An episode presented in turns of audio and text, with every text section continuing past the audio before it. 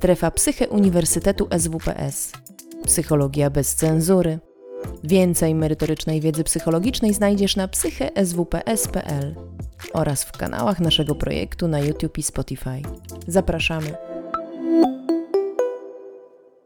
Chciałabym na, w paru dosłownie zdaniach e, zarysować e, ogólnie problem zaburzeń psychicznych i przejść do opisu metody przeszczaszkowej stymulacji magnetycznej, której w zasadzie w całości ten wykład jest e, poświęcony. Jeśli chodzi o zaburzenia psychiczne, to takiej ogólnej definicji są to takie sposoby czy wzorce myślenia, czucia, postrzegania, które stanowią źródło cierpienia dla człowieka, który ich doświadcza i często też dla ludzi z otoczenia tego człowieka. Większość zaburzeń psychicznych e, wykracza daleko poza swoje książkowe czy podręcznikowe objawy i z takim dosyć często sporym impetem zaburza wszystkie istotne płaszczyzny funkcjonowania człowieka. Płaszczyznę emocjonalną, gdy doświadczamy smutku, gdy doświadczamy lęku, Płaszczyzna zdrowia fizycznego. Często leczenie farmakologiczne mm, dosyć mocno wpływa na samopoczucie, na pracę układu trawiennego. Rozmaite skutki uboczne e, leków można odnotować. Zaburzenia psychiczne także zaburzają relacje, relacje e, z dziećmi, relacje partnerskie, wieloaspektowo. I zaburzenia psychiczne wpływają także na e, płaszczyznę zawodową, też w takim aspekcie, że zaburzenia psychiczne bardzo często spotykają się z ostracyzmem społecznym. E, I ludzie, którzy ich doświadczają, zamykają się w domach, odcinają się od, od, od relacji, od bodźców zewnętrznych Często zaburzeniom psychicznym towarzyszą też e, no, długotrwałe zwolnienia z pracy, czy, e, czy też po prostu ci ludzie są zwalniani z pracy z powodu swoich doświadczeń w sferze zdrowia psychicznego. I taka twarda statystyka. Szacuje się, że aktualnie jedna czwarta Polaków w wieku reprodukcyjnym, czyli około 6 milionów osób, doświadczyło przynajmniej jednego zaburzenia psychicznego. To mogą być zaburzenia afektywne, e, psychotyczne, uzależnienia, zaburzenia osobowości. No tu można by wymienić całą klasyfikację. W ogólnym zarysie, tak jak powiedziałam, jedna czwarta społeczeństwa. Bardzo często, w sensie na taki pierwszy plan, jeśli chodzi o zaburzenia psychiczne, wysuwają się w tym momencie zaburzenia afektywne, które bardzo intensywnie przyrosły w okresie pandemii. Widzicie Państwo tutaj porównanie 2018-2020 rok. W Polsce z 4% do 10% skoczyła liczba diagnozy depresji. I tylko, że w sensie to są dane tylko, tylko dotyczące depresji. Oczywiście te wskaźniki skaczą dla wszystkich innych zaburzeń, natomiast tak jak powiedziałam, tutaj ten przyrost jest najbardziej istotny, stąd też staje się to bardzo e, palącym problemem społecznym.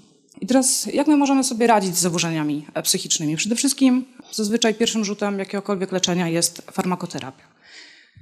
Oczywiście lekarz dobiera e, właściwe leki, te leki mają szansę pomóc. Zdarza się oczywiście, że nie pomagają. W około 30 od 30 do 50% pacjentów nie reaguje na leczenie farmakologiczne. Dobrze jest też, e, jeśli próbujemy interweniować w zaburzenia psychiczne oddziaływaniem psychologicznym albo psychoterapeutycznym. I takie oddziaływania dość znacząco podnosi e, również efektywność e, farmakoterapii, w sensie jeśli dwie metody są połączone. Jeśli farmakoterapia nie działa i psychoterapia też nie pomaga, no, to trochę stajemy pod ścianą, natomiast e, przychodzi nam w sukurs, e, przychodzą nam w sukurs metody biologicznego oddziaływania. I one w takim zgrubnym podziale można je e, z grubsza podzielić na metody inwazyjne i metody nieinwazyjne. Metody inwazyjne. Mm, stymulacja nerwu błędnego. To jest metoda, która pozwala po wprowadzeniu elektrody we właściwe miejsce do nerwu czaszkowego, stymulujemy elektrycznie ten nerw. Działa to skutecznie przeciwdepresyjnie, ale wymaga po pierwsze zabiegu chirurgicznego, po drugie no, utrudnia życie w dosyć, w dosyć znaczący sposób. Bardzo skuteczną metodą leczenia lekoopornych zaburzeń depresyjnych jest głęboka stymulacja mózgu, która z kolei polega na tym, że wszczepia się elektrody bezpośrednio do wzgórza, czyli przeprowadza się naprawdę inwazyjną operację na mózgu. Kolejną Mniej, ale nadal inwazyjną metodą, a bardzo skuteczną, jeśli chodzi o leczenie depresji, są elektrowstrząsy, które na pewno Państwo znacie e, również z, takim, z takiego popularno e, popkulturowego może mm, bardziej e, wizerunku. Elektrowstrząsy są, tak jak powiedziałam, metodą bardzo skuteczną, ale wiążą się z dosyć sporym utrudnieniem, ponieważ człowiek na kilka tygodni musi zamknąć się w szpitalu i raz albo dwa razy w tygodniu poddawany jest inwazyjnemu zabiegowi, podczas którego poddawany jest anestezji. a jego głowa, jego mózg jest porażony prądem. Mm, wiąże się to też z dosyć istotnymi skutkami ubocznymi, przede wszystkim w obszarze e, zaburzeń pamięci. Przez wiele miesięcy po tym leczeniu ludzie raportują poważne problemy z funkcjonowaniem poznawczym. Oczywiście to są metody, które, jak powiedziałam, są skuteczne i jeśli nie ma innego wyjścia, warto je rozważyć. Można jednak jeszcze wcześniej spróbować metod nieinwazyjnych, które w tym momencie stają się, czy na świecie są już dosyć mocno popularne. W Polsce robią się coraz bardziej popularne. Mm.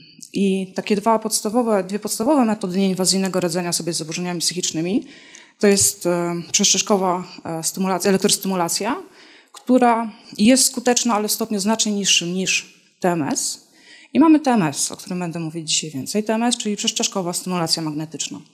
Polska nazwa jest bezpośrednim wprost tłumaczeniem z angielskiego. Ja będę używać dosyć często skrótu e, właśnie z angielskiej nazwy TMS. I TMS jest w najprostszej swojej definicji metodą nieinwazyjnej stymulacji mózgu przy pomocy impulsów elektromagnetycznych. W dużym skrócie wygląda to tak, że przykładamy człowiekowi do głowy e, odpowiednie urządzenie.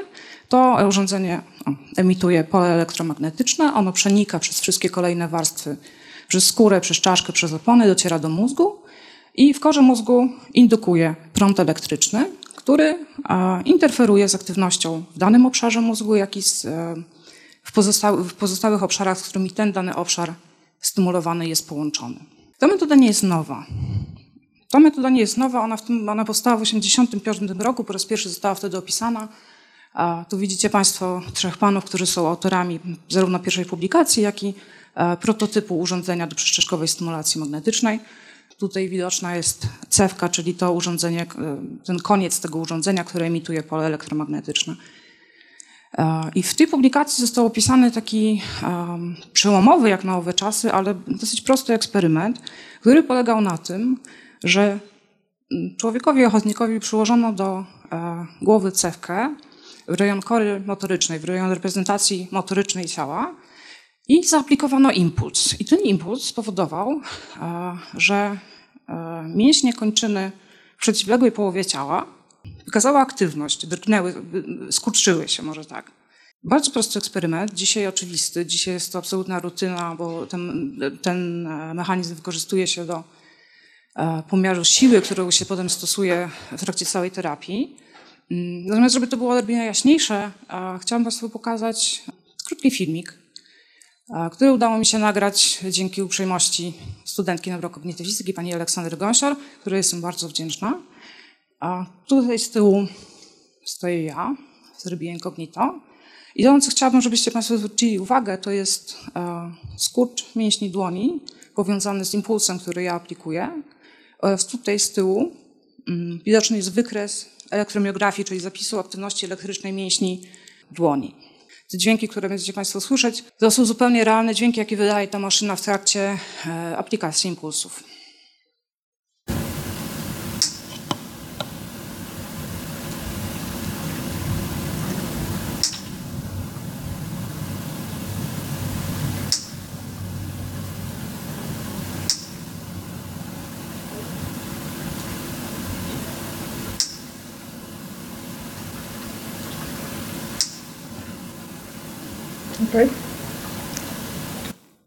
Muszę powiedzieć, e, że gdy przychodzi do mnie pacjent na pierwszą wizytę i ja wykonuję u niego tę procedurę, to zazwyczaj spotykam się z dużym zdziwieniem i takim efektem wow, że ja manipulując czymś przy głowie człowieka jestem w stanie spowodować bardzo precyzyjnie skurcz jednego palca jego dłoni.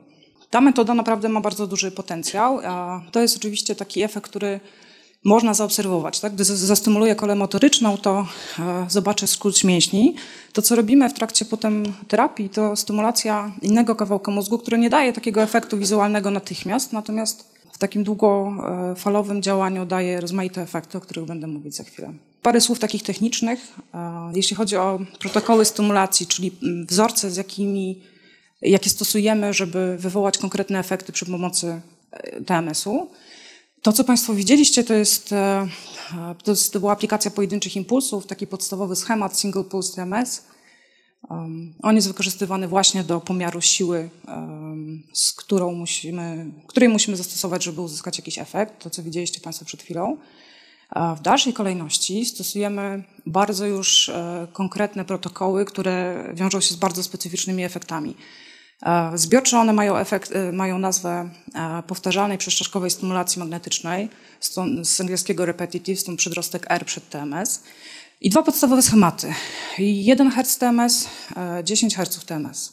1 Hz to znaczy, wiadomo, jeden, jeden impuls na sekundę, 10 Hz, 10 impulsów na sekundę. I to, czym E, różnią się te dwa protokoły. To jest efekt, jaki one wywołują. Mianowicie jednoharcowy TMS, bądź jeszcze o niższej częstotliwości, będzie wywoływał efekt hamujący w tej korze mózgu, do której dociera. Będzie po prostu ją wyhamowywał, będzie obniżał tą aktywność. Jeżeli zastosujemy z kolei stymulację o częstotliwości 5 Hz albo wyższą, to zazwyczaj jest 10, czasem 20 Hz, to podniesiemy aktywność E, w, tej, w tym obszarze kory mózgu, do których ten impuls e, dociera. I tutaj mam przygotowany jeszcze jeden, tu się cofnę, jeszcze jeden slajd z filmikiem, e, na którym z kolei nagrałam no, głównie tak naprawdę dźwięk, jaki towarzyszy stymulacji 10-hercowej. Proszę sobie wyobrazić, że pod taką stymulacją, którą za chwilę Państwo usłyszycie, człowiek spędza dokładnie 19 minut i 30 sekund w trakcie terapii antydepresyjnej. W trakcie jednej sesji otrzymuje 1600 impulsów i przychodzi do mnie przez 20 dni. Zobaczcie Państwo, jak to wygląda.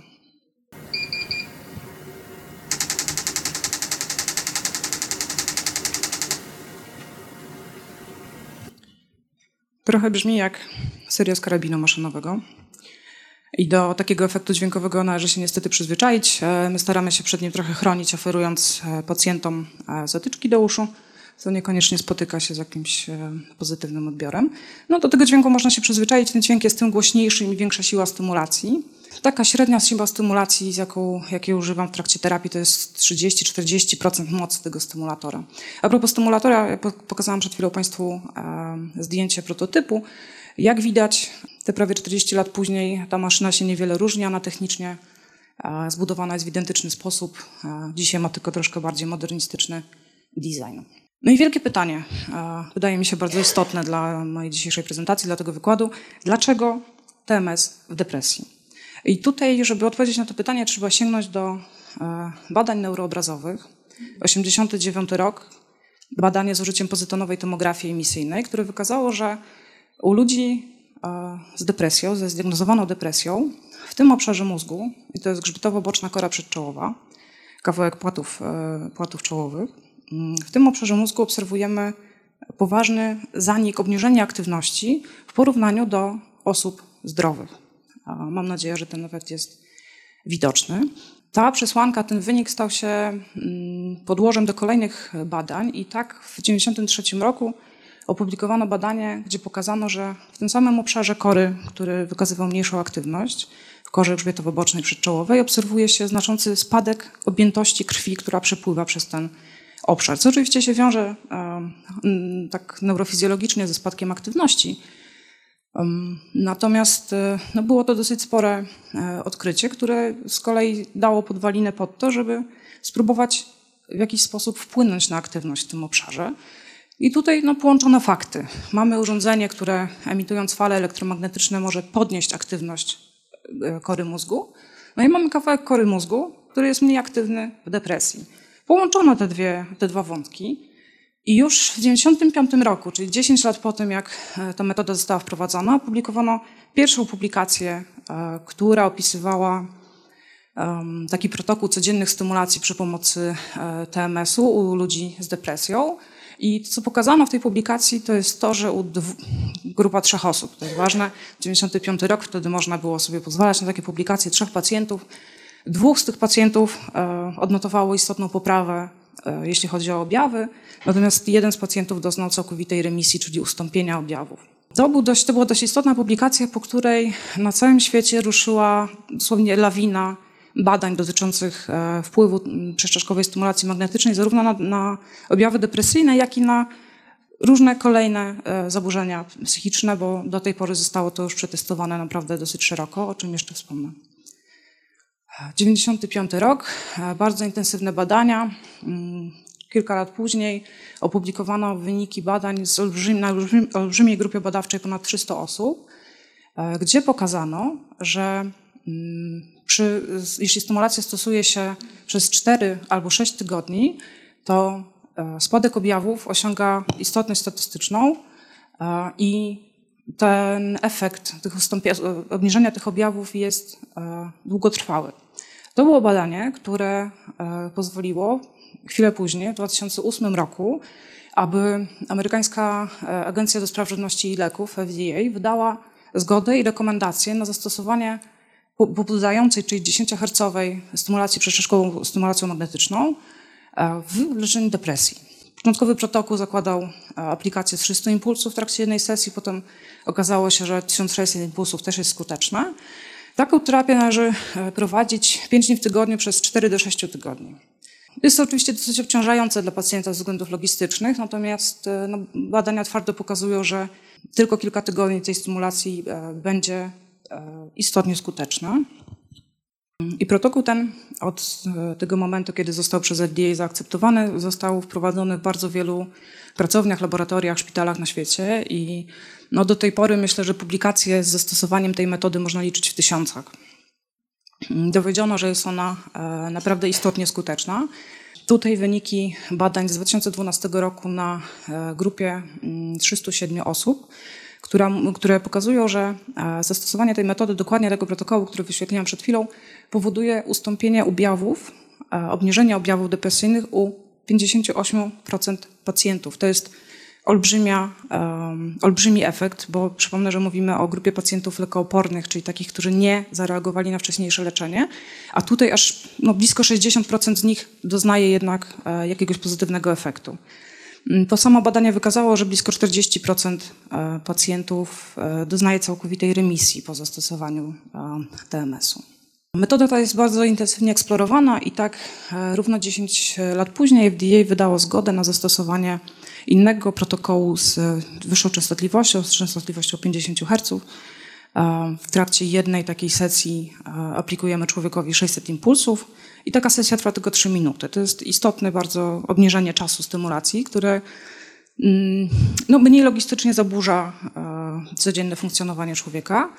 Mm, I badanie, które zostało opublikowane, przeprowadzone, żeby porównać skuteczność tego protokołu pierwotnego, klasycznego i tego nowego, pokazały, że one osiągają bardzo podobny e, efekt 47-49% e, skuteczności. Mm, warto jednak zaznaczyć, że jest to badanie współsponsorowane przez producenta sprzętu, na którym opracowano ten nowy protokół. Dlatego e, patrzyłabym na to jednak z pewnym dystansem. I moja, moje takie osobiste przekonanie jest takie, że ten klasyczny protokół dłuższy jest jednak bardziej skuteczny, bardziej wiarygodny. E, niemniej metoda jest dalej intensywnie eksplorowana i tak w 2020 roku opublikowano nadzwyczaj ciekawe badanie, które e, pokazuje, że przeprowadzenie takiego protokołu, który polega na tym, że przez 5 dni w tygodniu, przez 10, dziesięciokrotnie, czyli przez cały dzień, przez 10 e, minut i 50 minut przerwy i tak przez cały dzień, czyli łącznie, łącznie 50 zabiegów w ciągu tygodnia, że ta metoda pozwala na aż, osiągnięcie na aż 80% skuteczności, zarówno jeśli chodzi o obniżenie objawów, jak i całkowitą remisję. Ale jest to protokół nadzwyczaj trudny do wprowadzenia w takim codziennym gabinetowym funkcjonowaniu, ponieważ wymaga on tego, aby człowiek przed, e, przed terapią przeszedł badanie czynnościowe przy pomocy rezonansu magnetycznego, które służy temu, żeby indywidualnie u danego człowieka, u danego pacjenta znaleźć dokładnie ten obszar, e, który wykazuje obniżoną aktywność i który należy stymulować. E, jest to fantastyczna metoda, bardzo wysoko skuteczna, którą fantastycznie byłoby móc prowadzić też i na terenie Polski. Niemniej dostęp do badań czynnościowych przy pomocy rezonansu magnetycznego jest no, przynajmniej bardzo ograniczony, jeśli nie niemożliwy. Także jest to takie trochę wciąż techniczne marzenie. Tak jak powiedziałam, protokół bardzo skuteczny, bardzo trudny do tego, żeby móc go e, zrealizować e, tak od ręki. A gdyby się dało, to też taki, mm, to zastosowanie tego protokołu byłoby bardzo drogie, bo sam rezonans magnetyczny bardzo istotnie podnosi koszty. Taka ogólna uwaga na temat TMS-u, jak długo utrzymuje się efekt. Tutaj nie można tego do końca określić, ponieważ e, badania podłużne, czyli takie, które pozwalają sprawdzić efekt po jakimś czasie po zastosowaniu terapii, są nadzwyczaj kosztowne i w związku z tym dosyć rzadko przeprowadzane. E, najdłuższe takie badanie, taki follow-up, który udało mi się znaleźć, e, to jest 12 miesięcy i jak Państwo widzicie, po 12 miesiącach, zarówno u ludzi, którzy doznali obniżenia objawów, jak i u tych, którzy doznali remisji, ten efekt nadal się utrzymuje. Innymi słowy, jeśli TMS zadziała, to ten efekt będzie długotrwały. I to bardzo szeroki temat, e, który nie do końca jest określony, bo mm, trochę wiemy na temat mechanizmów skuteczności TMS-u, trochę nadal są one tajemnicą. Mm, to, co wiemy, to, co możemy zweryfikować, to podzieliłam to na takie trzy główne grupy, na zmiany w neurotransmisji, zmiany w poziomie koncentracji czynników troficznych i zmiany czynnościowe i strukturalne w mózgu. Jeśli chodzi o zmiany w neurotransmisji, to mam to na myśli e, wpływ TMS-u na rozmaite e, neuroprzekaźniki z których najciekawsza e, wydaje mi się być dopamina. To, co Państwo tutaj widzicie, ten wykres może być taki trochę mylący, bo on pokazuje wzrost dopaminy po zastosowaniu TMS-u, przy czym ten wzrost dopaminy jest definiowany jako spadek absorpcji radioaktywnego markera. Stąd też może się wydawać, że że mieszam dane, ale w tym badaniu pokazano wyraźnie, że jednorazowa sesja przy pomocy RTMS-u wywołuje taki efekt na neuroprzekaźnictwo, na rzut dopaminy, jaki wywołuje przyjęcie amfetaminy. No, nie, do, nie do końca można powiedzieć, że TMS działa tak jak tak dość popularny, pobudzający narkotyk. Niemniej jednak ma pewne powinowactwo na poziomie neurotransmisyjnym. Inna bardzo ciekawa rzecz. Tutaj widzicie Państwo wynik spektroskopii rezonansu magnetycznego. Spektroskopia to jest taka metoda, która pozwala ocenić skład chemiczny tkanki. E, I tutaj zweryfikowano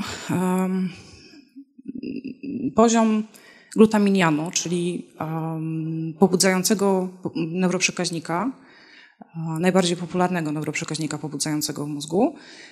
I wzrostowi poziomu tego neuroprzekaźnika towarzyszyła, mm, towarzyszył spadek objawów depresyjnych e, mierzony przy pomocy e, no, jednego z bardzo popularnych kwestionariuszy.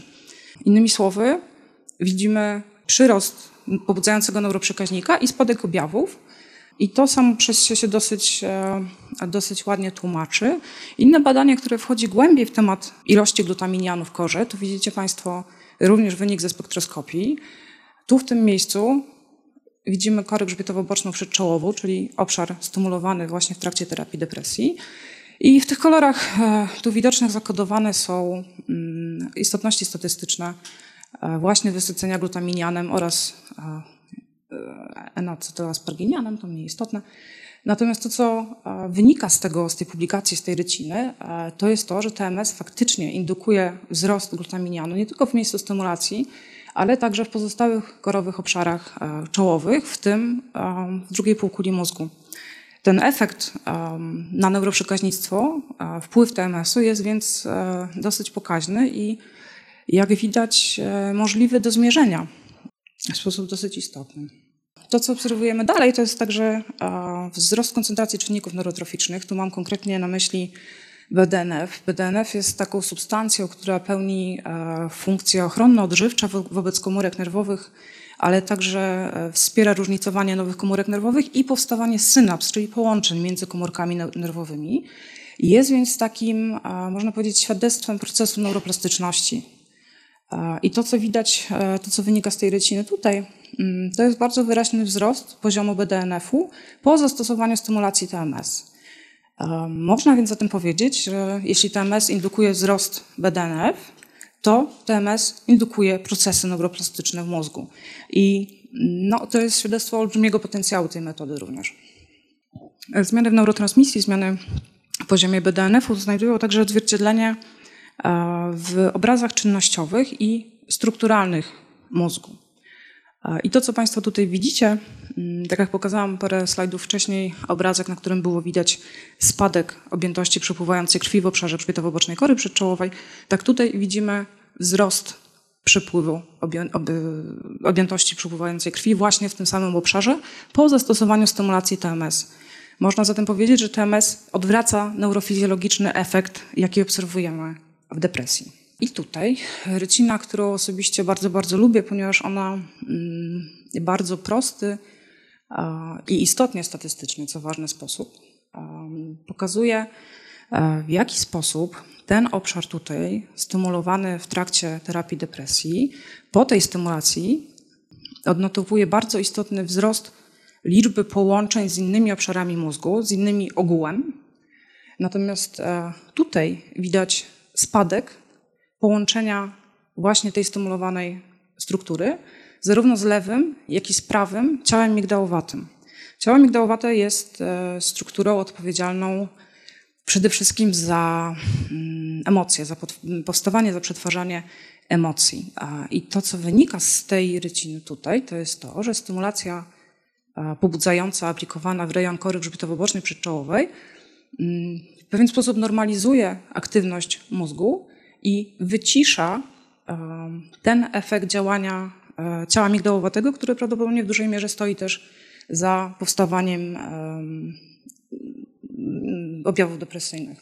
Obserwujemy także, tutaj nie udało mi się niestety znaleźć jakiejś ładnej ryciny, która by to obrazowała, stąd tabelka.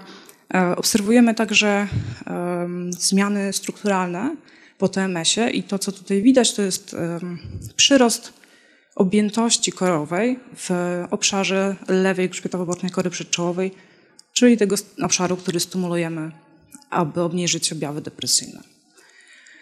Rycina poglądowa, podsumowująca niejako tych parę obrazków, które pokazałam wcześniej, stymulacja polem elektromagnetycznym e, tkanki w rejonie kory grzbietowo-bocznej powoduje szereg rozmaitych e, zmian i ma wpływ na aktywność rozmaitych innych obszarów, powodując efekty, znaczy wywołując efekty zarówno w sferze poznawczej, jak i emocjonalnej na poziomie, już powiedziałam, neurofizjologicznym również. Jeśli chodzi o takie namacalne efekty stymulacji przeszczepkową stymulacją magnetyczną, to mam tutaj taki wykres, który bardzo ładnie pokazuje spadek, gdzie zaczynamy tutaj od poziomu no, dosyć wysokiego, spadek nasilenia myśli samobójczych o aż 50%.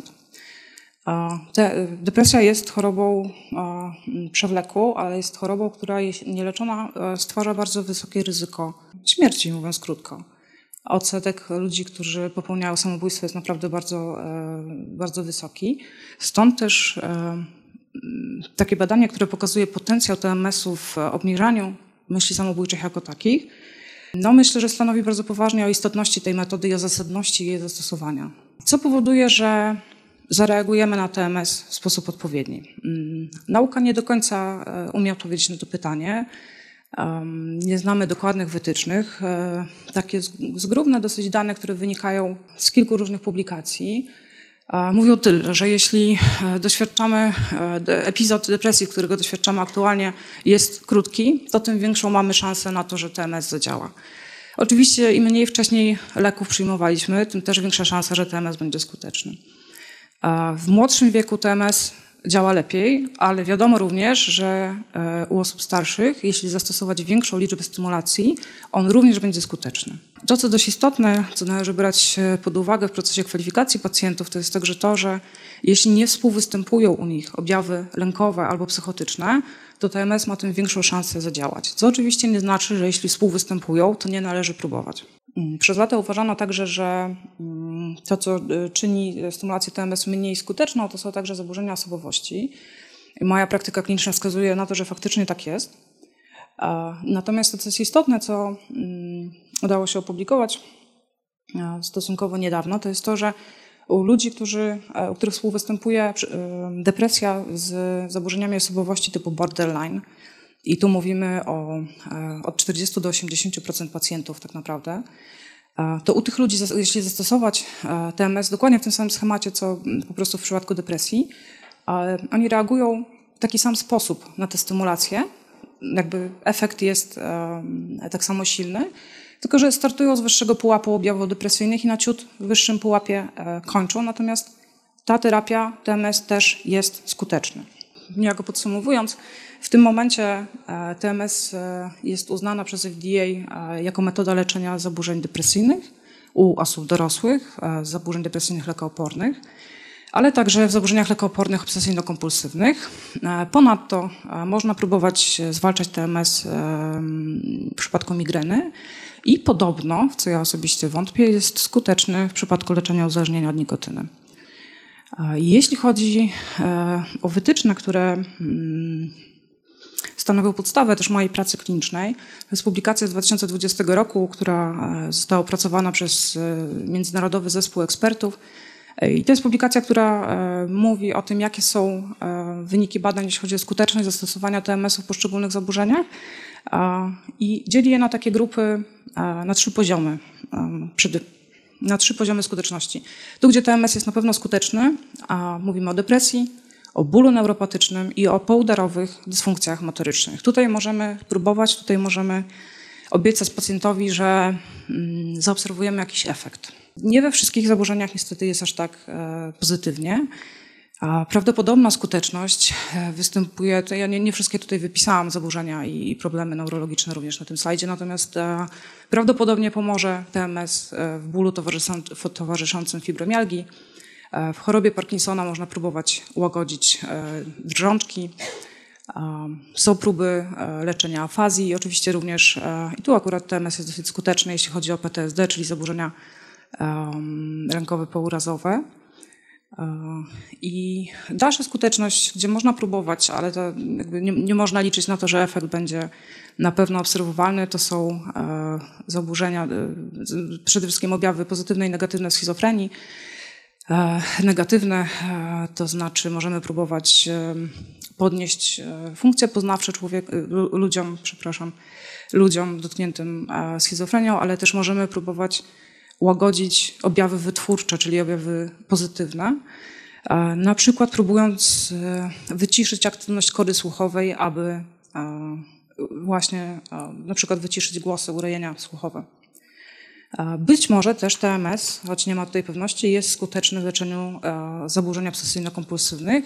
Są, są pewne dowody na to, że taka skuteczność, znaczy, że TMS może być skuteczny, nie ma jednak e, jednego oczywistego protokołu, który można by zastosować. Lata całe zajęło, zanim TMS przebił się e, ze światowej psychiatrii do naszego polskiego środowiska. W 2021 roku opublikowano, e, tak jak Państwo widzicie, wytyczne Polskiego Towarzystwa Psychiatrycznego oraz konsultanta krajowego dotyczące leczenia zaburzeń depresyjnych lekoopornych. I tutaj po raz pierwszy oficjalnie pojawia się TMS jako wskazanie, e, gdzie depresja jest wskazaniem do leczenia. Przy czym najpierw oczywiście mamy leczenie farmakologiczne, mm, potem próbujemy elektrowstrząsów, a jeśli nadal mamy problem, nadal występują e, objawy, to możemy spróbować zastosować TMS, stymulacji nerwu błędnego, o której mówiłam, że to jest inwazyjna procedura i głęboka stymulacja mózgu, która też jest procedurą inwazyjną. Natomiast to, co jest ważne, to jest to, że DMS e, tutaj się oficjalnie pojawił. Nie powiem, że trochę mnie kosztowało lobbowanie za tym. 2022, grudzień, więc tak naprawdę e, dopiero przed chwilą, udało się opublikować z psychiatrii polskiej mm, takie oficjalne polskie wytyczne dotyczące kwalifikacji i w ogóle przebiegu procedury terapeutycznej z zastosowaniem TMS-u. W przypadku oczywiście ludzi z depresją lekooporną. Mam przyjemność być współautorem tej publikacji. Mam nadzieję, że stanie się ona jakąś taką, no, taką kartą otwarcia zastosowania TMS-u um, szerzej w psychiatrii polskiej, ponieważ jest to bardzo, bardzo w tym momencie ograniczone jeszcze. Dosyć istotna sprawa, wydaje mi się, jakie są przeciwwskazania do tego, żeby brać udział e, w terapii z zastosowaniem TMS-u. Ta lista przeciwwskazań nie jest jakoś szczególnie długa. To, co absolutnie wyklucza człowieka z, z takich stymulacji, to jest obecność e, metalu bądź jakiegoś elektronicznego urządzenia w głowie. No to oczywiście my myślimy o jakichś e, blaszkach, śrubkach, które są pozostałościami po jakichś działaniach ortopedycznych, no albo też jakieś neurostymulatory. To niestety absolutnie człowieka wyklucza. Jest też oczywiście szereg e, takich przeciwwskazań względnych, czyli takich, które no, na pierwszy rzut oka są e, dyskwalifikujące, ale można spróbować e, w jakiś sposób je mm, zneutralizować. Jeśli człowiek ma na przykład, nie wiem, kolczyki w, uszu, w uszach albo w, w brwi, no to oczywiście można je spróbować wyjąć. Stymulatory typu stymulator serca, no, odległość od miejsca stymulacji głowy do do takiego stymulatora jest dosyć istotna, znaczy dosyć duża, więc ta, ten wpływ TMS-u nie powinien być tutaj zagrażający. To, co stanowi dosyć istotny czynnik, e, który jest przeciwwskazaniem, to jest skłonność do padaczki. E, zawsze warto, zawsze trzeba zapytać pacjenta o to, czy u niego bądź u kogoś w bliskiej rodzinie padaczka występuje bądź występowała. I też bardzo warto, i ja to w swojej praktyce klinicznej um, staram, się, staram się tego pilnować, żeby człowieka, który przyszedł do nas i chciałby, chciałby wziąć udział w takiej terapii, um, żeby z, ten człowiek wykonał badanie elektro, elektroencefalograficzne głowy, czyli badanie EEG, które pokazuje um, aktywność elektryczną kory mózgowej i pozwala wykluczyć właśnie ryzyko padaczki. No, do czego też unikamy, to wiadomo, rozmaite urazy głowy, nie zapraszamy do udziału w takiej terapii ludzi, którzy aktualnie nadużywają substancji psychoaktywnych, ale też na przykład ludzie, którzy są e, uzależnieni na przykład od alkoholu, reagują na TMS znacznie słabiej niż osoby nieuzależnione. Jest to prawdopodobnie spowodowane jakiegoś rodzaju, no powiedziałabym, zużyciem się mózgu z powodu uzależnienia. No, większość tych pozostałych przeciwwskazań to są takie rzeczy, z którymi można, e, można w jakiś sposób dyskutować. Należy też oczywiście wziąć pod uwagę e, leki, jakie pacjent przyjmuje. One absolutnie nie mogą powodować e, ryzyka zaistnienia padaczki. I tu ostatnia uwaga, istotna, której postanowiłam poświęcić aż cały jeden slajd, a mianowicie Gdyby wziąć podstawowe wytyczne dotyczące TMS-u, nawet te polskie, które pokazałam przed chwilą, to w nich ciąża wymieniona jest jako przeciwwskazanie do udziału w, w, terapii TMS. Wiadomo, że ciąża jest takim specjalnym stanem ochronnym, powiedziałabym, w którym należy zachować e, dużą czujność. Przy czym też e, dosyć wysoki odsetek kobiet będących w ciąży doświadcza objawów depresyjnych. Mm. I farmakoterapia jest rzeczą, której należy, jakby, oczywiście należy ją rozważyć i należy ją wdrożyć, jeśli objawy są tak silne, że no, człowiekowi trudno sobie z nimi poradzić. Natomiast też lęk przed farmakoterapią w ciąży jest dosyć wysoki i tutaj z pomocą absolutnie może przyjść e, TMS, który e, nie stanowi absolutnie żadnego zagrożenia dla zdrowia kobiety, dla zdrowia e, dziecka czy w ogóle przebiegu ciąży. Także TMS jako metoda leczenia depresji występującej w trakcie ciąży jest jak najbardziej polecana i ma dużą szansę być skuteczny, bo nawet 80% tak mówią statystyki, nawet 80% kobiet doznaje obniżenia objawów. TMS jest metodą, tak jak powiedziałam, nieinwazyjną. Jest metodą e, bezpieczną, jest metodą skuteczną, ale oczywiście też nie wszystko jest takie oczywiste i e, na różowo, bo odnotowujemy pewne skutki uboczne. Najczęściej, i tu bym powiedziała, że to jest nawet 100% pacjentów, Pacjenci doświadczają pewnego rodzaju mm, no, stymulacji skóry w miejscu, gdzie aplikujemy te impulsy i to się wiąże często z jakimś odczuciem kłucia, drażnienia. Mm, to jest taki trochę efekt e, jak nie, nie, wiem, czy Państwo pamiętacie, kiedyś były takie baterie, które miały e, blaszki. Jak się dotknęło tych blaszek językiem, to czuć było takie delikatne mrowienie. To jest takie doświadczenie, które, e, które też wywołuje TMS, drażniąc skórę.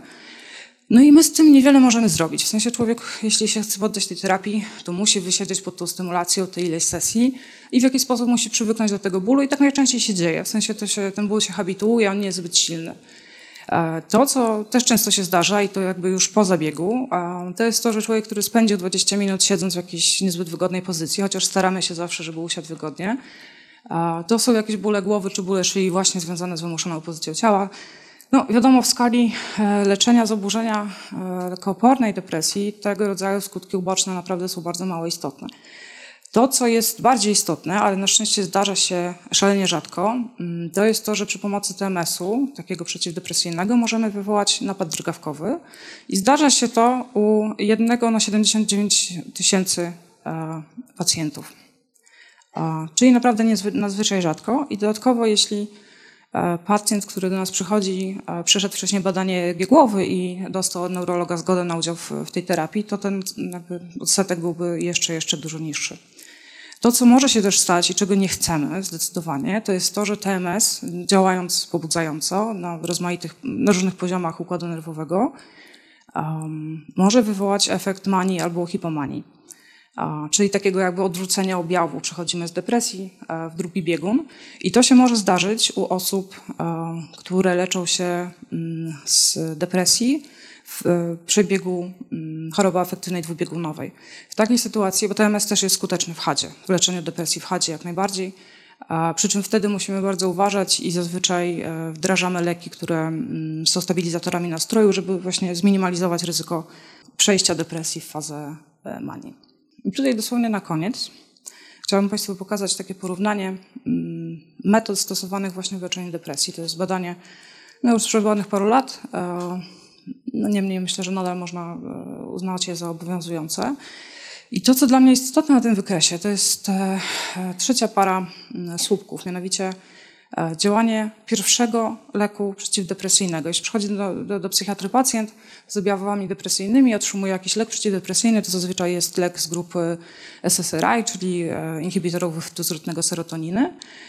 I ten lek mm, ma szansę pomóc temu pacjentowi na poziomie mm, około 50%, nie, nie sięga nawet 50% a 50% szans e, prawie na e, zmniejszenie objawów, niespełna 40 na to, że e, człowiek osiągnie remisję.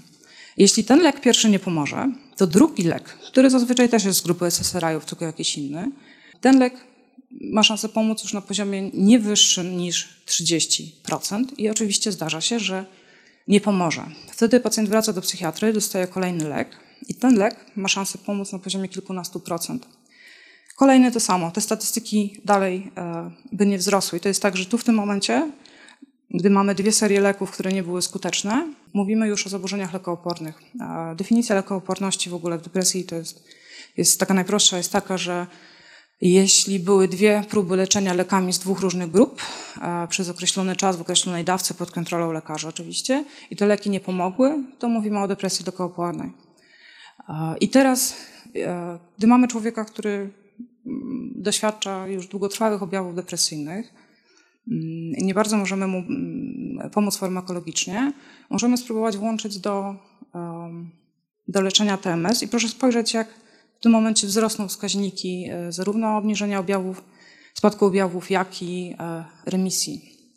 To jest takie porównanie. Jesteśmy tutaj, tu człowiek dochodzi do ściany, farmakoterapia nie działa, nie wiadomo co zrobić i kierujemy człowieka na zabiegi przestrzeszkowej stymulacji magnetycznej i po sześciu, po czterech, maksymalnie sześciu tygodniach odnotowujemy no, gigantyczny w porównaniu z tym efektem tutaj e, spadek e, objawów depresyjnych i właśnie ustąpienia objawów w ogóle.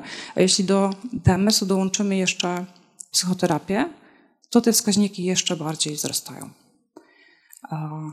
I z tymże wykresem chciałabym Państwa pozostawić. Wydaje mi się, że on mówi e, dosyć głośno sam za siebie. E, I bardzo, bardzo serdecznie dziękuję Państwu za, za uwagę, za wysłuchanie mnie. I jeśli macie Państwo jakieś pytania, to jeśli tylko dam radę, spróbuję odpowiedzieć.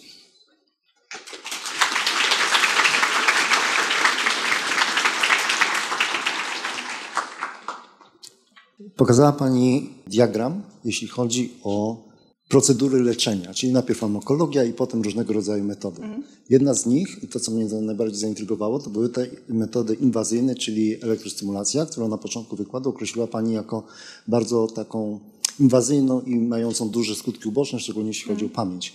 Natomiast ta nieinwazyjna metoda TMS była na samym dole, jak zauważyłem. I teraz mam dwa pytania. Jedno, z czego wynika, że te inwazyjne metody w tej procedurze są wyżej niż nieinwazyjne? I drugie, czy tego trzeba się w terapii bardzo trzymać, czy można pominąć te inwazyjne i od razu po farmakologii, co Pani tutaj powiedziała, przejść do nieinwazyjnych? Najpierw drugie pytanie, myślę. moje odczucie jest takie, że im wcześniej włączymy TMS, tym lepiej. I absolutnie nie należy czekać do tego momentu dojścia do ściany, kiedy już leki nie działają, kiedy już witamy się z, z elektrowstrząsami. Można przejść na terapię wcześniej i ona będzie tym bardziej skuteczna, bo im dłużej jesteśmy w zaburzeniu, im ono jest bardziej utrwalone, tym trudniej wywołać efekt. Więc jak najbardziej. Dlaczego ona jest wymieniona, ta metoda e, później?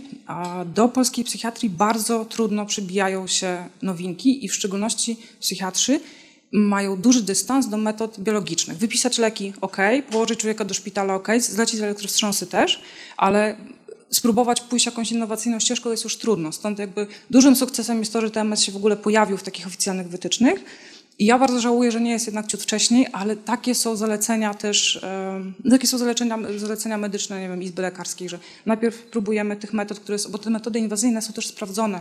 One są niemłode, one są wielokrotnie już przetestowane. Wiadomo, że są skuteczne.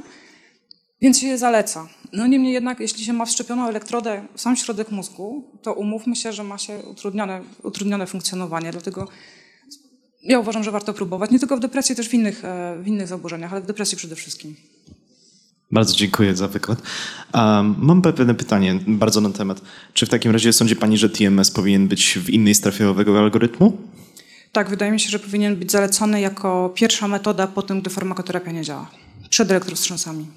I na temat farmakoterapii. E, w styczniu bodajże była e, konferencja tutaj a propos psychodelicznej terapii. Co Pani sądzi z tym? E, jak to się może łączyć z TMS? E, ja współpracuję z psychiatrą, który się zajmuje terapią psychodeliczną, terapią przy pomocy ketaminy i e, we współpracy oferujemy taki protokół leczniczy, który łączy działanie TMS-u z działaniem ketaminy. I muszę powiedzieć, że efekty, które obserwujemy u pacjentów, gdzie zastosowaliśmy ten e, protokół, jest, są niesamowite. W sensie po TMS-ie troszkę się coś zmienia, po ketaminie natychmiast wzrasta nastrój, natychmiast wzrasta motywacja, przy czym ten efekt zazwyczaj mniej więcej tygodniu, dwóch spada, a połączenie tych dwóch metod powoduje, że one wchodzą w taki szukam słowa, nic, nie wymyślę nic mądrego, e, wchodzą w pewien rezonans między sobą i taką interakcję, że podtrzymują swój efekt nawzajem. Nie są znane molekularne mechanizmy tego działania, ale efekt y, psychologiczny, psychiatryczny jest bardzo obserwowalny i silny. Super, bardzo dziękuję. Ja mam takie pytanie. Y, jaka jest potwierdzona skuteczność przy leczeniu HADU? Statystyki mówią, że między 30 a 60%, czyli tak, tak naprawdę takie ramy, które, e, podobne ramy dla wyników leczenia samej depresji. Podobny efekt. A w połączeniu z litem? A to jest dobre pytanie, ale tego nie wiem. Myślę, że lit e, nie byłby zalecany jako lek do odstawienia w trakcie terapii TMS, raczej e, w połączeniu. Ale proszę wybaczyć, nie znam, e, nie znam takich statystyk, natomiast mogę poszukać i mogę panu zostawić mojego maila i mogę spróbować na to odpowiedzieć w ciągu paru dni. Ponieważ powiedziała pani, że mm, TMS może pomagać, tudzież pomaga skutecznie w leczeniu uzależnienia od nikotyny, a z alkoholem jest już inaczej. Czy, czyli dlaczego nie można używać TMS e, w leczeniu uzależnienia alkoholowego? Czy dlatego tylko, że Mm, nadużywanie alkoholu kurczy mózg, czy y, inna część mózgu jest odpowiedzialna za innego typu uzależnienia? To jest tak, jeśli chodzi o nikotynę, to wydaje mi się, że ta akceptacja FDA była taka trochę przedwczesna, bo e, dalsze badania nie pokazują, że TMS jest aż tak bardzo skuteczny w leczeniu uzależnienia od nikotyny. Są badania, które mówią o tym, że jest skuteczny w leczeniu uzależnienia od alkoholu. Są takie badania, to nie można, nie można mówić, że nie ma. I tam wskaźniki są różne, od kilkunastu do kilkudziesięciu procent e, skuteczności. Stymuluje się ten sam obszar, który się stymuluje w przypadku depresji. W ogóle okazało się, że po latach badań, że obszar grzbietowo-bocznej kory przedczołowej, który jest takim dosyć sporym obszarem, bo to jest kilka centymetrów kwadratowych naszego czoła, jest odpowiedzialny za tak dużo różnych funkcji, stymulacja przy pomocy TMS-u właśnie tutaj wpływa na no, wiele różnych czynników. I stosuje się TMS w próbach leczenia uzależnienia od alkoholu on trudniej działa, jest potrzebnych więcej sesji, żeby jakiś efekt wywołać. Natomiast na pewno jest tak, że, że u ludzi uzależnionych no jest ten efekt trudniejszy do wywołania. Także nie ma oficjalnego protokołu takiego jednego, który można by powiedzieć, zastosujcie to i pomożecie temu człowiekowi. Można próbować. E, w Polsce tylko na zasadzie eksperymentu, w sensie można kogoś zaprosić do terapii, ale kontrowersyjnym jest to, czy powinien płacić za to, że nie wie, czy to będzie skuteczne. W depresji wiadomo, w uzależnieniu być może. Moje zdanie oficjalne jest takie, że e, warto próbować w różnych zaburzeniach, bo jest szansa, że pomoże. TMS ma e, olbrzymi potencjał biologiczny, bo proszę sobie wyobrazić, że prosto w mózg, prosto w tkankę nerwową otrzymujecie olbrzymią dawkę takiej czysto fizycznej energii. To musi działać na jakimś poziomie, na jakimś etapie. Ten efekt może być silniejszy, może być słabszy ale na pewno warto próbować. Nie każdemu TMS pomoże, nie w każdym zaburzeniu, ale warto próbować, szczególnie zanim człowiek się położy e, chirurgowi pod nóż, czy nawet e, spróbuje elektrowstrząsów. E, dziękuję bardzo. Jeszcze jedno pytanie. Czy mm, również stymulowałoby się tą samą część mózgu i mogłaby ta terapia pomóc ludziom, którzy próbują wyjść z, próbują ograniczyć, tudzież wyjść zupełnie z leków przeciwbólowych? Można próbować, jest duży potencjał przeciwbólowy działania e, stymulacji TMS e, i ja na przykład mam w tym momencie pacjentkę, z którą próbujemy osiągnąć taki efekt, że ona odstawia leki przeciwbólowe, a ja TMS-em powoduję, żeby efekt przeciwbólowy się utrzymał. I na razie mamy, mamy pewien konsensus. Pytanie, na jak długo ten efekt TMS-u się będzie, jak długo on się będzie utrzymywał, bo to mogą być tygodnie, mogą być miesiące, ale może być też tak, że no, skłonność danego układu nerwowego do pozostania w danym zaburzeniu jest tak silna, że ten efekt będzie się szybko odwracał. Warto próbować TMS, na przykład jest też, e, prób, znaczy próbuje się stosować TMS w połączeniu z ketaminą w leczeniu na przykład uzależnienia od heroiny. Tak, zastępujemy mózgowi e, tą używkę, ten narkotyk inną stymulacją i sprawdzamy, czy to ma szansę pomóc. Do pewnego stopnia pomaga. Dziękuję bardzo. Bo powiedziała Pani, że TMS jest jakby dla w przypadku depresji lekoopornej. No i z tych wykresów wynikało, że skuteczność jest wyższa, kiedy stosujemy leki i psychoterapię. Natomiast czy nie jest to badanie trochę jakby zafałszowane za, przez efekt tego, że na TMS trafiają osoby dopiero kiedy któryś lek nie działa, a każdy kolejny jakby zmniejsza jego skuteczność? Czy nie dojdziemy w przyszłości do tego, że TMS może być proponowany jako pierwsza metoda leczenia depresji? Nie wydaje mi się. E, ta metoda nie przebije się z całą pewnością do psychiatrii na e, aż tak e, wysoko. No, nie bez powodu leki są zawsze pierwszym rzutem leczenia. Nie bez powodu próbuje się kilku kolejnych podejść. Czy wyniki są zafałszowane? No, e, e, zależy jaka metodologia danego badania. Nie wydaje mi się, żeby można było próbować myśleć o TMS-ie jako metodzie e, leczenia pierwszego rzutu. Natomiast na pewno, na pewno warto ją rozważyć, to już powiedziałam przed chwilą, jako metodę leczenia, zanim wejdziemy na jakieś twardsze, twardsze metody.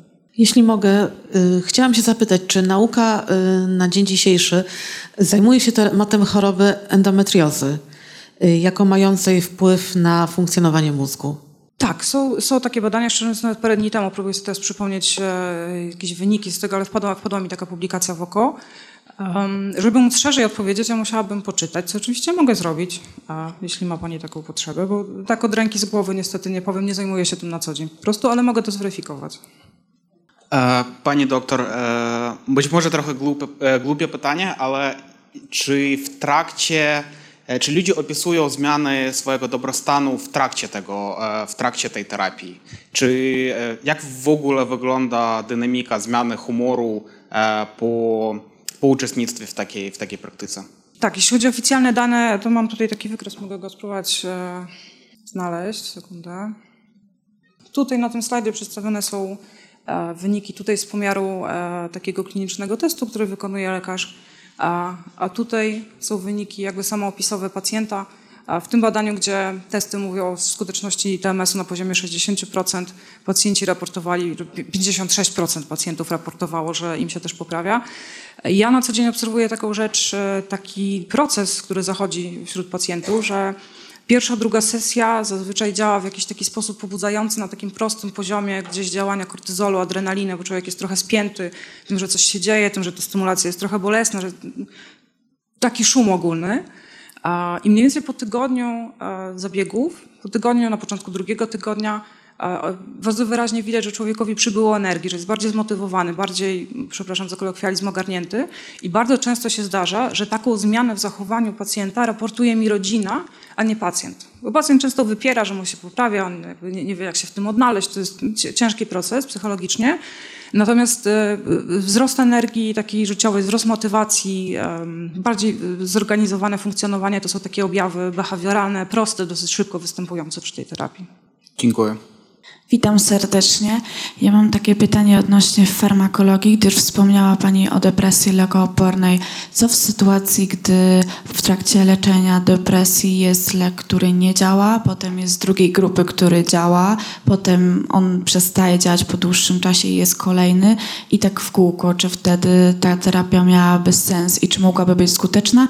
A drugie pytanie, czy w zaburzeniach tarczycy też by miało to sens? Dziękuję w sensie w zaburzeniach, w leczeniu zaburzeń depresyjnych wynikających z zaburzeń e, funkcjonowania tarczycy?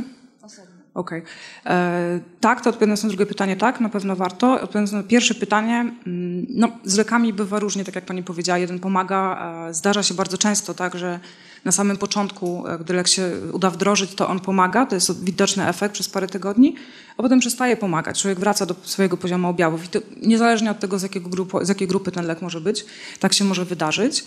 E, I na pewno warto, w sytuacji, kiedy już wiemy, że człowiek doświadcza takiej lekooporności, na pewno warto spróbować TMS. Jest jakby, według twardych statystyk 60% szans na to, że człowiekowi pomoże. Oczywiście zdarza się, że nie pomoże, że tam nic nie drgnie, nic się nie zadziała nic nie zadziała. Natomiast e, na pewno warto przy takiej huśtawce lekowej ustabilizować ten lek, który e, jakoś zadziałał i dołączyć do tego TMS.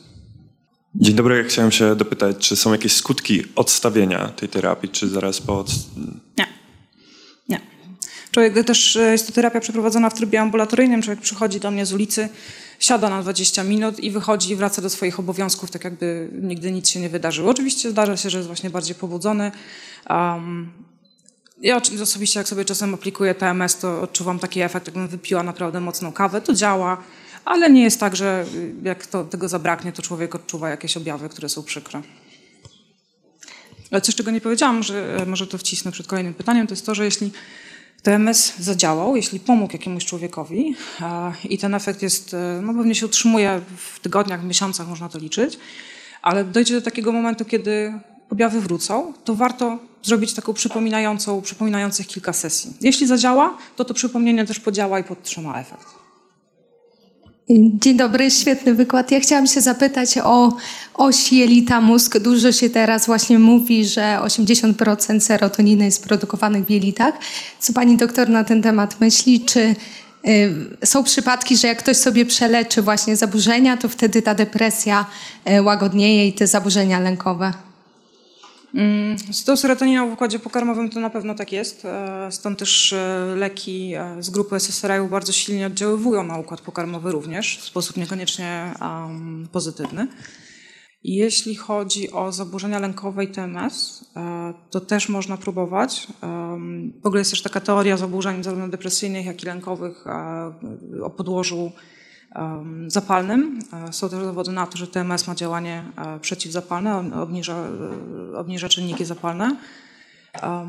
W zaburzeniach lękowych też działa, ale działa słabiej i zaburzenia tak jak depresja jest lokalizowalna w mózgu. Można znaleźć określone obszary, które wykazują jakąś nie, odchylenie od normy w aktywności.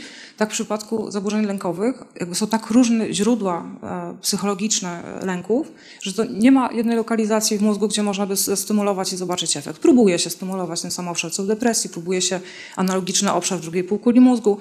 Są różne kombinacje, publikacji są tysiące na ten temat, ale ja bym nie powiedziała, że TMS na pewno e, pomoże na zaburzenia lękowe, e, ale warto próbować też, bo zdarza się. Mamy też takich pacjentów, którym faktycznie e, to pomogło w taki sposób zastosowany ciut autorski, bo jednak z tym protokołem depresyjnym ja do niego mam największe zaufanie. I on faktycznie działa na takim szerokim psychologicznym polu, polu też. Natomiast wprost TMS na, na, na lęki nie działa, tak oczywiście. Ja również dziękuję za bardzo ciekawy wykład i mam krótkie pytanie, czy TMS jest również dla dzieci i młodzieży? Oficjalnie nie. Nie, od 18 roku życia. Mm, no ja oczywiście mając y, pewną wiedzę na temat tego, w jaki sposób kształtuje się mózg y, na osi czasu, też uważam, że e, nie należy włączać stymulacji mózgu jakoś za wcześnie. Chociaż e, e, na przykład są dane, które mówią o tym, że TMS jest skuteczny w przypadku łagodzenia objawów ADHD. Są takie próby kliniczne w Stanach na dzieciach. Jak patrzę na mojego syna z ADHD, to myślę sobie, że mogłoby mu pomóc. Ale jeszcze się waham, czy spróbować. E, oficjalnie od 18 roku życia. Dziękuję bardzo za naprawdę przecudowny wykład. Chciałabym się zapytać, jak wygląda zastosowanie tej metody w połączeniu ze schizofrenią w reemisji i depresja niestety tutaj zostaje często. Jest to schizofrenia paranoidalna. Mhm. Bardzo pozytywne efekty leczenia depresji w przebiegu schizofrenii e, odnotowujemy. Ja mam e, za sobą takie um, krótkie badanie z udziałem pacjentów e, ze szpitala Tworkowskiego, gdzie właśnie próbowaliśmy Założenie było takie, żeby spróbować podnieść poziom funkcjonowania poznawczego, żeby go polepszyć. Zastosowaliśmy taki ten protokół przeciwdepresyjny w odrobinę zmienionym czasie, w sensie odrobinę skrócone sesje I okazało się, że faktycznie odnotowaliśmy wzrost e, takiego ogólnego poziomu funkcjonowania poznawczego, ale przede wszystkim odnotowaliśmy spadek objawów depresyjnych. I być może ten spadek objawów depresyjnych był odpowiedzialny za to, że człowiek poznawczo zaczął funkcjonować lepiej, ale te efekty są, są mierzalne a, i e, no, ja z olbrzymią przyjemnością patrzyłam na, na tych pacjentów, którym się faktycznie poprawiało. Także y, można, można stosować jak najbardziej. No, na samą schizofrenię niewiele, ale można łagodzić te różne objawy współwystępujące. Dziękuję bardzo. Czy jest jakaś różnica w skuteczności działania TMS-u, jeżeli pacjent oprócz depresji ma właśnie ADHD, autyzm, nieneurotypowy jest? Trudno jest odpowiedzieć na to pytanie opierając się o publikacje, ponieważ jeśli ktoś przeprowadza badanie jakoś tam zaplanowane, to e, zazwyczaj też rekrutując, e, no ma albo pacjentów, którzy mają diagnozę, albo mają grupę kontrolną zdrową, która jest wykluczona, są, ludzie z jakąś neurotypowością właśnie. Natomiast e, na pewno przy objawach depresyjnych współwystępujących z różnymi objawami można próbować walczyć. I mam też takie doświadczenie z pacjentką, która przyszła do nas z depresją w trakcie diagnozy kwalifikacji na TMS okazało się, że ona ma absolutnie nieleczone ADHD, dorosłe ADHD, takie poważne, grube, książkowe. I wahaliśmy się w zespole, czy spróbować ją ustawić jakoś na leki, czy zaryzykować z TMS-em. I okazało się, że po mniej więcej dziesiątej sesji, czyli w połowie terapii, efekt przeciwdepresyjny był olbrzymi, ale przede wszystkim to jakby te objawy ADHD troszkę się zmniejszyły i to było fenomen, jakby ta dziewczyna nie wiedziała, że ma taki problem. Najpierw to odkryła, a potem obserwowała, że że da się to, modulując aktywność mózgu, w jakiś sposób wyciszyć. Także przy takich współwystępujących zaburzeniach też można. Oczywiście pierwotnym wskazaniem jest depresja, więc jak człowiek przychodzi z całym bagażem rzeczy... No ja sama diagnoza Aspergera była zrobiona na, na pierwszej diagnozie depresji i kilku innych zaburzeń, dopiero potem wyszło. Można próbować, na pewno. Dziękuję. Ja to Państwu, dzień dobry. Ja mam pytanie. Powiedziała Pani, że zaburzenia lękowe nie, ale PTSD tak. A PTSD jakby w DSM-ie jest tak. w grupie zaburzeń lękowych. Z czego to wynika? E, zaburzenia lękowe to jest bardzo szeroka grupa e, zaburzeń. E, przy zaburzeniach lękowych uogólnionych TMS najpewniej nie pomoże, bo nie jesteśmy w stanie zlokalizować, jakby co, co stymulować. PTSD, no, głównie ze względu na taki swój wymiar um, wojskowy, powiedziałabym, jest znakomicie przebadany na wszystkie sposoby i próbowano to zaaplikować wszystkie metody, które są dostępne, w tym TMS. I przetestowano, że akurat właśnie w, no, w, tej specyficznej grupie zaburzeń lękowych, które się wiążą z jakąś traumą, e, stymulacja tego samego obszaru, co w przypadku depresji, przynosi efekty łagodzące te objawy. Jakby, oczywiście, że PTSD jest z, z grupą objawów lękowych, OCD też jest z grupą objawów lękowych i można próbować TMS, TMS-em OCD wyciszyć. Wyhamowuje się wtedy korę motoryczną, co działa tak, że jak się hamuje aktywność kory motorycznej, to ona wyhamowuje te obszary też czołowe i nie tylko podkorowe, z którymi się łączy i wycisza, ogólnie wycisza mózg. Pomaga to przy OCD, przy uogólnionych zaburzeniach lękowych e, już niekoniecznie. I drugie pytanie ostatnie już. Jak to wygląda od strony praktycznej? jeżeli mam pacjenta w gabinecie, u którego widziałbym zastosowanie TMS-u, czy to jest w ogóle refundowane, czy to musi zalecić psychiatra, czy można zapłacić i pójść samemu z buta, jak to się mówi? E, można pójść prywatnie i e, to też jest pewna nowość na rynku polskim, bo dopiero od 2019 e, są dostępne gabinety w Warszawie i nie tylko, nie będę reklamować konkurencji. Natomiast e, jest jeden szpital w Polsce, szpital Babińskiego w Krakowie, który ma kontrakt z NFZ na to, żeby wykonywać e, TMS w depresji. I z tego co wiem, jest tam taka kolejka e, liczona w latach, więc trudno mówić o dostępności tej terapii. Wiem, że w ramach eksperymentów i prac badawczych profesor Rymaszewska, psychiatra z Wrocławia, udostępniała tę metodę też. Na pewno w Instytucie Psychiatrii i Neurologii mają kilka takich sprzętów, ale niekoniecznie udostępniają to ludziom z ulicy.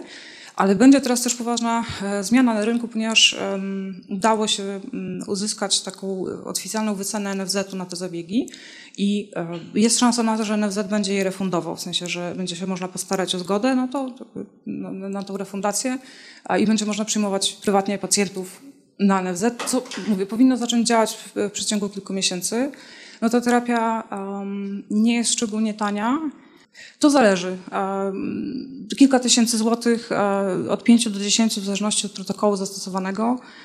Protokół łączący TMS z ketaminą, który na przykład my oferujemy, jest z oczywistych względów droższy, bo ketamina jest, e, no, nie jest tania. To, co e, stanowi ocenie tego, tych, tych zabiegów też, to jest to, że sprzęt jest nadzwyczaj drogi. Niby ten prosty stymulator, to jest ładnych kilkaset tysięcy złotych. I ta maszyna pożera dzikie ilości prądu. Tak, to generowanie impulsów elektrycznych to są rachunki, o, nie będę mówić jak bardzo skaczą, ale to jest przykre. E, takie realne, twarde koszty. Podsumowując, jest myślę szansa na to, że będzie można próbować e, z refundacją. Są też prywatne miejsca, gdzie można próbować e, też także i po obniżonych kosztach, bo różne sytuacje się zdarzają. Oczywiście przed taką terapią trzeba przejść proces kwalifikacyjny, uzgodnić, że diagnoza jest taka, jaka jest, potwierdzić objawy i no, zweryfikować, czy człowiek nie ma metalu w głowie, czy nie ma podaczki. Także jest konieczna wizyta u psychiatry na pewno wcześniej. Bardzo, bardzo dziękuję. Bardzo doktor. ja Państwu dziękuję za uwagę. Za przyjęcie.